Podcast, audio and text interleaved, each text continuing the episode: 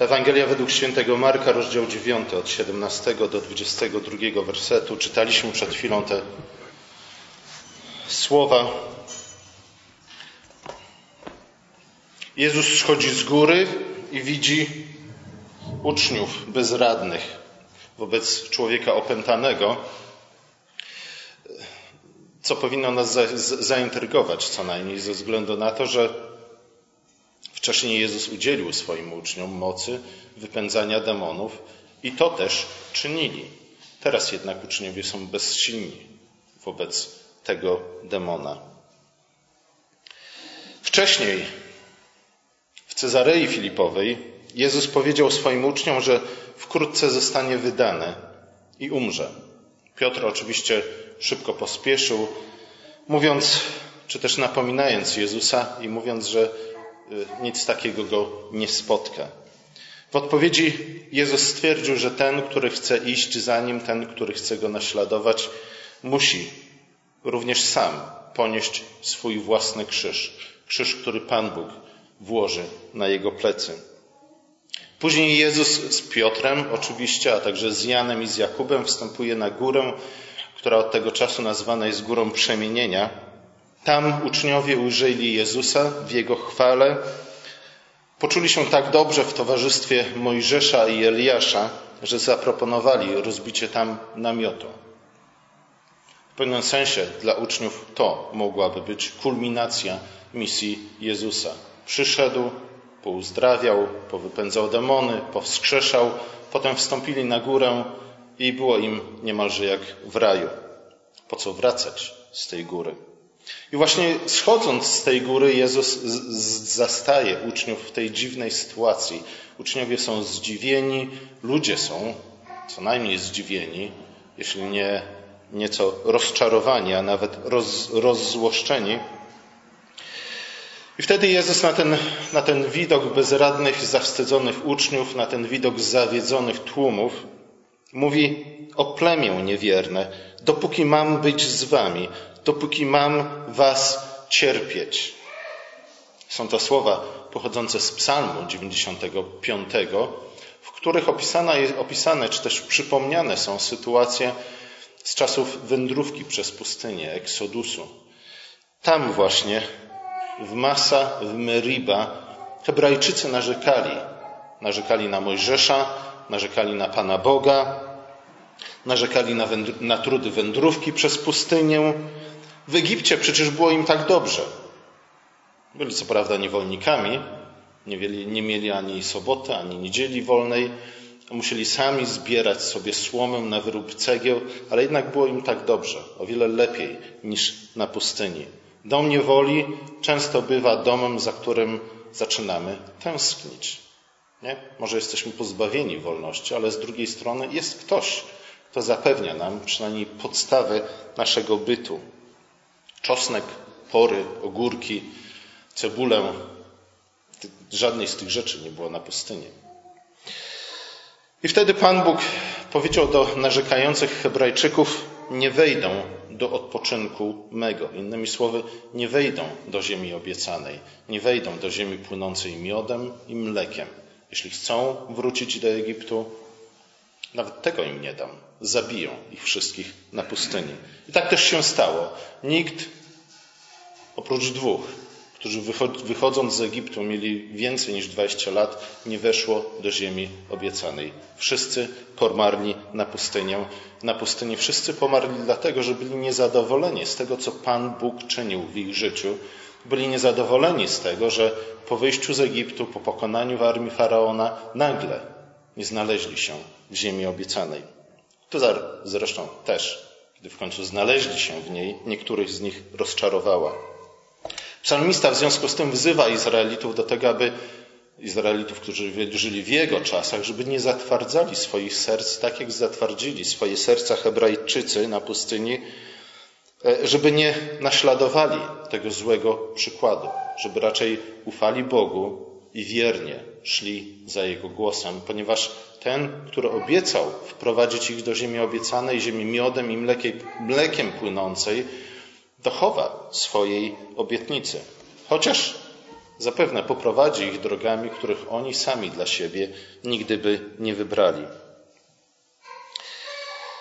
Jezus cytuje ten słowa z Psalmu 95, co swoją drogą jest ciekawe, nie? Czy, czy uczniowie, czy ludzie, czy ojciec opętanego chłopca zrozumiał tę aluzję? Czy znali psalmy na tyle, że wychwycili echo tego psalmu, a w związku z tym połączyli te słowa z całą historią, z Eksodusem, z buntem Hebrajczyków na pustyni. Czy to natchnęło ich do tego, aby zacząć myśleć we właściwy sposób i odnieść tamte słowa, tamtą sytuację do swojej aktualnej sytuacji?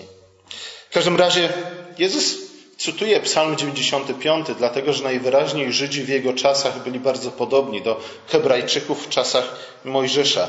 Chcieli cieszyć się wygodą, bogactwem ziemi obiecanej, bezpieczeństwem, jakie zapewniał im Pan Bóg, ale kiedy droga okazała się trudniejsza niż się tego spodziewali, zwłaszcza, zwłaszcza po tych spektakularnych wydarzeniach, które towarzyszyły wyjściu z Egiptu, pamiętamy, 12 plag, nie, 10 plag. Pamiętamy zniszczenie doszczętne armii faraona w Morzu Czerwonym, poprzez które Hebrajczycy przeszli suchą stopą. Nie?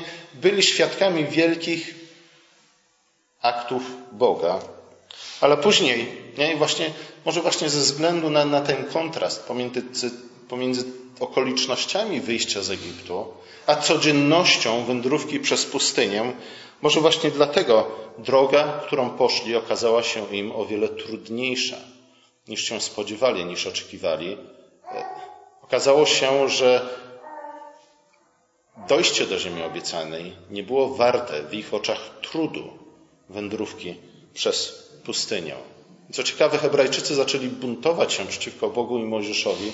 Ta wędrówka okazała się dla nich zbyt trudna, zbyt wyzywająca, zanim jeszcze Pan Bóg powiedział, że spędzą na pustyni 40 lat. Nie? A więc byli pozbawieni tej perspektywy, że o, minie całe pokolenie, zanim wejdziemy do ziemi obiecanej. Nie, z początku nie było mowy o 40 latach. Z początku była mowa o tym, że pójdą pod górą Synaj. Pan Bóg odnowi z nimi swoje przymierze, nada im prawa, swoje prawa, a potem wprowadzi ich do ziemi obiecanej. Mojżesz wysłał zwiadowców do Kanaanu, żeby przygotować wejście do ziemi. A zatem Hebrajczycy zaczęli narzekać na Mojżesza na trudy wędrówki zaledwie parę miesięcy po wyjściu z Egiptu, kiedy jeszcze nie było w ogóle tej perspektywy 40 lat tułaczki. W gruncie rzeczy byli jak dzieci, nie? bo to jest jedna z cech charakterystycznych dzieci, i to małych, i to dużych, a mianowicie brak cierpliwości, brak wytrwałości. W każdym razie Droga okazała się o wiele trudniejsza niż się tego spodziewali i w związku z tym zapragnęli wrócić do domu niewoli. Ale czy Jezus skierował te słowa tylko i wyłącznie do faryzeuszów, do uczonych w piśmie, do kapłanów, a może również do swoich uczniów? Jezus schodzi z góry i widzi, widzi tłum ludzi i wtedy wypowiada te słowa o plemię niewierne, dopóki mam was cierpieć. Wydaje się, że do jednych i drugich, ze względu na to, że jedni i drudzy wciąż nie rozumieli, o co chodzi Jezusowi, wciąż nie rozumieli, jak ma dokonać się zbawienie świata, wciąż byli głusi, jak ten chłopiec opętany przez demona.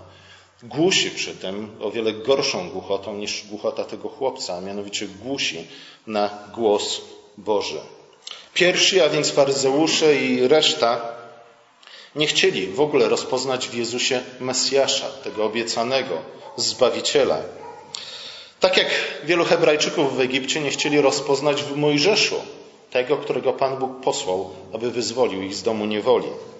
Ale podobnie też uczniowie, którzy co prawda, tak jak Piotr wcześniej, wyznali wiarę w to, że Jezus jest Mesjaszem, nie chcieli jednak przyjąć do nie chcieli jednak przyjąć Jego słów mówiących o tym, że ten właśnie Mesjasz musi umrzeć w pohańbieniu, zdradzony i odrzucony przez cały lud, aby dokonało się zbawienie świata. Innymi słowy, nie chcieli pogodzić się z tym, co Jezus powiedział, iż droga do chwały wiedzie przez krzyż. I nie tylko Chrystusa droga do chwały wiedzie przez krzyż, ale też droga każdego z nas do chwały wiedzie przez krzyż. Jednym i drugim, zarówno faryzeuszom uczonym w piśmie, jak i uczniom, groziło to, że nie wejdą do odpoczynku Boga.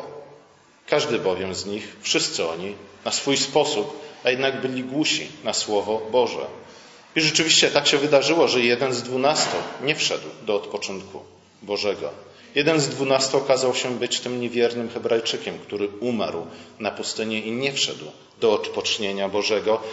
Ale tu na tym etapie wszystkim to grozi. I kiedy widzimy zwłaszcza ostatnie rozdziały Ewangelii opisujące zdarzenia poprzedzające śmierć Chrystusa, widzimy, że jeden po drugim apostołowie odwracają się od Chrystusa. Jeden po drugim okazuje się być bardziej podobnym do Hebrajczyków, którzy umarli na pustyni, niż do Jozłego i Kaleba, którzy mówili: Pan nam obiecał, więc zajmiemy ziemię obiecaną, niezależnie od tego, jak trudne by to było. Dla uczniów naśladowanie Jezusa było do tej pory stosunkowo łatwe. Co prawda porzucili swoje domy, co prawda porzucili swoje wcześniejsze zajęcia. Dla jednych może było to trudniejsze, dla innych łatwiejsze. E, często nie mieli gdzie głowy skłonić, ale z drugiej strony otrzymali moc uzdrawiania, moc wypędzania demonów, wskrzeszania zmarłych i rzeczywiście to czynili. Jak którzy z nas nie porzuciłby swojej obecnej czy też dotychczasowej pracy w zamian za takie zdolności? Nie? Może niektórzy z nas byliby nawet gotowi opuścić swój dom w zamian za takie zdolności. Pewnie powtarzali sobie nie? pośród tych wielkich, cudownych oznak mocy Bożej działającej poprzez ich ręce i ich usta, może powtarzali sobie, jeśli Bóg z nami, to któż przeciwko nam? Nie? Bardzo łatwo jest zapałać optymizmem, optymizmem, to każdego rodzaju, także religijnym optymizmem, kiedy wszystko się układa po naszej myśli, a uczniom na pewno w tym czasie wszystko układało się po ich myśli. Nie? Byli niezwyciężeni, byli nieprzemakalni, jak śpiewała o tym kiedyś pewna kapela, dawno zapomniana. Ale perspektywa krzyża, o której zaczął w którymś momencie mówić Jezus, nie za bardzo oczekiwała do ich oczekiwań, nie za bardzo pasowała do ich oczekiwań, nie za bardzo pasowała do, do obrazu tych zwycięskich, triumfujących uczniów, będących armią niezwyciężonego Boga. Krzyż wydawał być się niepotrzebnym komplikowaniem wszystkiego, niepotrzebnym komplikowaniem drogi do zwycięstwa i do sławy. Po co? Jeśli skoro Chrystus ma moc, której udzielił im nad chorobami, nad demonami, nad śmiercią, to po co krzyż? Nie? Dlaczego Pan Bóg nie mógł w inny sposób zbawić świata, ale tylko przez krzyż? Teraz, kiedy Jezus zaczął mówić o swojej śmierci, i to nie raz, ale drugi raz i trzeci raz, coś pękło. Zwłaszcza w przypadku uczniów, których nagle opuściła moc. Nie mogli już wypędzać demonów. W zasadzie mogli, ale nie w taki sposób jak do tej pory. Moglibyśmy powiedzieć, wcześniej wypędzali demony niejako automatycznie. Teraz nie są w stanie tego czynić. Muszą zrobić coś innego. Albo muszą, muszą zacząć wypędzać demony w inny sposób, niż czynili to do tej pory. Niby to samo zadanie, niby ta sama moc, a jednak okazuje się, że Pan Bóg zaczyna wymagać od nich czegoś innego. Albo stawił ich przed trudniejszym zadaniem, albo z drugiej strony, i to wydaje mi się słuszniejszą interpretacją, chce ich czegoś dodatkowego nauczyć. Najpierw Pan Bóg okazał im swoją moc. Dokładnie tak, jak uczynił to na oczach Hebrajczyków, kiedy wychodzili z Egiptu. Hebrajczycy wtedy generalnie rzecz biorąc nie musieli robić nic innego, tylko stać i patrzeć, co Bóg czyni. Plagi egipskie, śmierć pierworodnych, przejście przez morze, zniszczenie armii faraona. Byli tylko świadkami. Dlaczego Pan Bóg wtedy w ten sposób działał w ich życiu? Dlatego, że byli dziećmi. Byli dziećmi w wierze, mieli dziecinne charaktery. Pan Bóg w związku z tym, okazując im swoją moc w tak spektakularny sposób chciał wzbudzić w nich co? Zaufanie. Zaufanie do swojej mocy, zaufanie do siebie, o to, że rzeczywiście troszczy się o nich, o to, że rzeczywiście jest mocen dokonać tego, co, uczyń, co obiecał, a także jest Bogiem wiernym. Nie? Te pierwsze spektakularne cuda, które Pan Bóg czynił w ich życiu i które Pan Bóg czynił kiedyś w naszym życiu, właśnie temu służyły. Wzbudzeniu wiary, wzbudzeniu wiary rozumianej jako zaufanie do Boga, do Jego słowa, do Jego wierności, do Jego dobrych zamiarów w stosunku do nas. Ale na tym to się nie kończy. Na czym nie kończy się również nasze chrześcijańskie życie, dlatego że wiara musi być uzupełniona nadzieją, a nadzieja nie jest niczym innym jak właśnie wytrwanie. Tego musieli się nauczyć Hebrajczycy. W oparciu o zaufanie do Boga musieli nauczyć się wytrwałości, cierpliwości, a więc ich wiara musiała stać się nadzieją. Nadzieją, która jest w stanie stawić czoła wszelkiego rodzaju wyzwaniom. Stąd też pojawiły się trudy na drodze do ziemi obiecanej. Stąd też w życiu uczniów pojawił się w końcu demon, którego nie byli w stanie wypędzić tak łatwo i tak prosto, jak do tej pory. Pan Bóg, chcąc, aby nasza wiara stała się nadzieją, a w końcu może, aby nasza nadzieja została uzupełniona o miłość, prawdziwą miłość, prowadzi nas w ten sposób przez życie. Nie na początku jest łatwo, później jest coraz trudniej. W tym sensie, że później Pan Bóg stawia przed nami coraz trudniejsze zadania, coraz większe wyzwania. Nie? Trzeba było Hioba, żeby doświadczyć tego, co Pan, czym Pan Bóg dotknął. Ktoś młody w wierze, ktoś słaby w wierze nie byłby w stanie przyjąć takiego wyzwania, przejść przez taką próbę wiary. Potrzebny był Hiob. Wcześniej w ósmym rozdziale znajdujemy pierwszą zapowiedź śmierci Jezusa. Tutaj w dziewiątym rozdziale znajdujemy drugą zapowiedź śmierci Chrystusa. Za pierwszym razem Piotr napomina Jezusa i mówi: Nic takiego nie musi się wydarzyć. Przecież masz wszelką moc w niebie i na ziemi. Teraz również Jezus spotyka się z niewiarą, z brakiem zaufania w stosunku do Jezusa, w stosunku do Pana Boga. Za pierwszym razem Jezus powiedział uczniom, że muszą ponieść swój krzyż. Teraz stwierdza, że muszą się modlić, bo jeśli nie będą się modlić, to nie będą w stanie ponieść krzyża, który Pan Bóg włożył na ich ramiona. Tylko wtedy, kiedy będą się modlić, pokonają demony. Tylko wtedy, kiedy będą się modlić, oswobodzą świat spod władzy diabła. Później Jezus powtórzy to wezwanie do modlitwy, kiedy e, tuż przed swoim aresztowaniem będzie modlił się w Getsemani. Wybrał znów Piotra, Jakuba i Jana, żeby modlili się, towarzyszyli mu w modlitwie, kiedy on będzie się modlił. I później, kiedy wrócił, zobaczył, że uczniowie śpią i powiedział do Piotra: Szymonie, śpisz? Jednej godziny nie mogłeś czuwać. Czuwajcie i módlcie się, abyście nie ulegli pokusie. Innymi słowy, abyście nie ulegli szatanowi. Duch wprawdzie jest ochoczy, ale ciało słabe. Duch uczniów był ochoczy. Tryskali optymizmem, ale okazało się, że ich ciało było słabe. Okazało się, że niestety nie byli w stanie stawić czoła tym wyzwaniom, które Bóg stawił na ich drodze.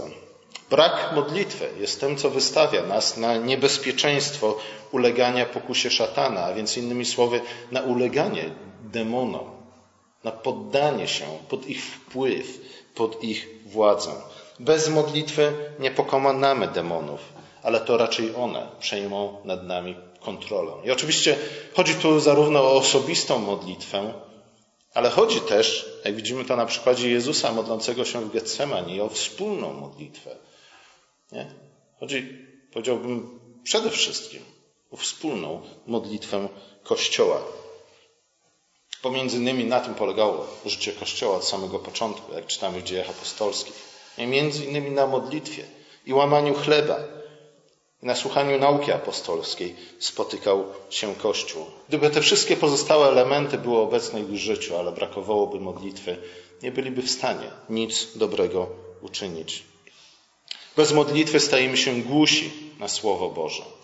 Nie? Modlitwa oznacza nic innego jak to, iż nie odpowiadamy tak, jak powinniśmy odpowiadać na słowo, które Bóg kieruje do nas. A całe nasze życie ma być przecież niczym innym jak odpowiedzią na słowo Boga skierowane do nas. Modlitwa jest jednym z podstawowych sposobów odpowiadania na słowo Boże. Modlitwa przypomina nam między innymi o tym, że całe pozostałe nasze życie, wszystko to, co czynimy, ma być odpowiedzią na Słowo Boże.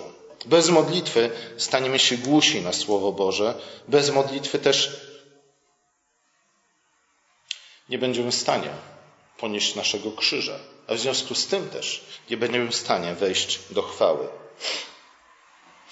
Jako uczniowie mamy naśladować Jezusa, nie tylko niosąc swój krzyż, ale także modląc się tak, jak On się modlił, zwłaszcza w, w tych kluczowych momentach Jego służby, zwłaszcza wtedy, kiedy musiał, stał przed kolejną, trudną bitwą z szatanem. Skoro On, Bóg z Boga, prawdziwy Bóg z prawdziwego Boga modlił się, tym bardziej my powinniśmy to czynić. Pewność siebie, nie, ten optymizm religijny, tak często demonstrowany przez Piotra, na nic się nie przyda w chwili próby. Nie? Ani optymizm sam w sobie, ani dobre intencje i chęci same w sobie na niewiele się nie zdadzą, jeśli będzie w naszym życiu brakować mocy Bożej, jeśli będzie brakować słuchania i odpowiadania na Słowo Boże. Aby ponieść swój krzyż, aby pokonać demony, aby nie ulec pokusie, musimy się modlić. W modlitwie bowiem wyznajemy, nie tylko odpowiadamy na Słowo Boże, ale też w modlitwie wyznajemy naszą całkowitą zależność od Boga, nie? Naszą, naszą słabość, na to, że sami w starciu z demonami skończymy tak, jak Adam i Ewa w ogrodzie. Modlitwa uczy nas tego, że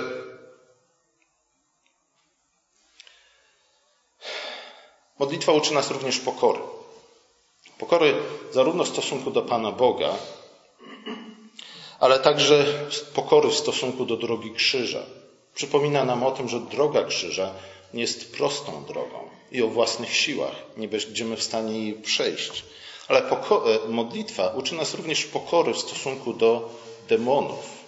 Nie oczywiście właściwie zrozumianej pokory. Nie pokory w tym sensie, że mamy być im poddani w jakikolwiek sposób, niepokory w tym sensie, że winniśmy im jakąkolwiek cześć i chwałę albo coś w tym stylu, ale pokory rozumiane jako respekt w stosunku do wroga, który jest silny, jest realny i może nam wiele zaszkodzić w naszym życiu.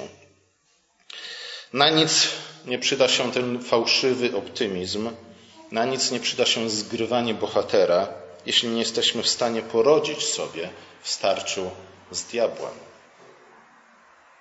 Jest dzisiaj 18 września, wczoraj był 17 września, nie?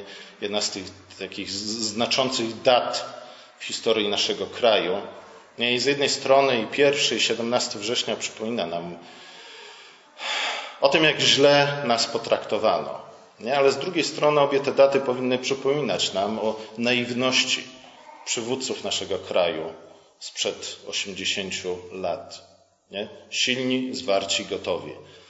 Ale jak często byśmy nie powtarzali te słowa, czy to w kontekście patriotycznym, czy to w kontekście religijnym, że jesteśmy silni, zwarci i gotowi, to nie przyda nam ani krzty siły, ani zwarcia, ani gotowości. Nie? Prawda jest taka, że Poszliśmy na wojnę, na którą w ogóle nie byliśmy przygotowani.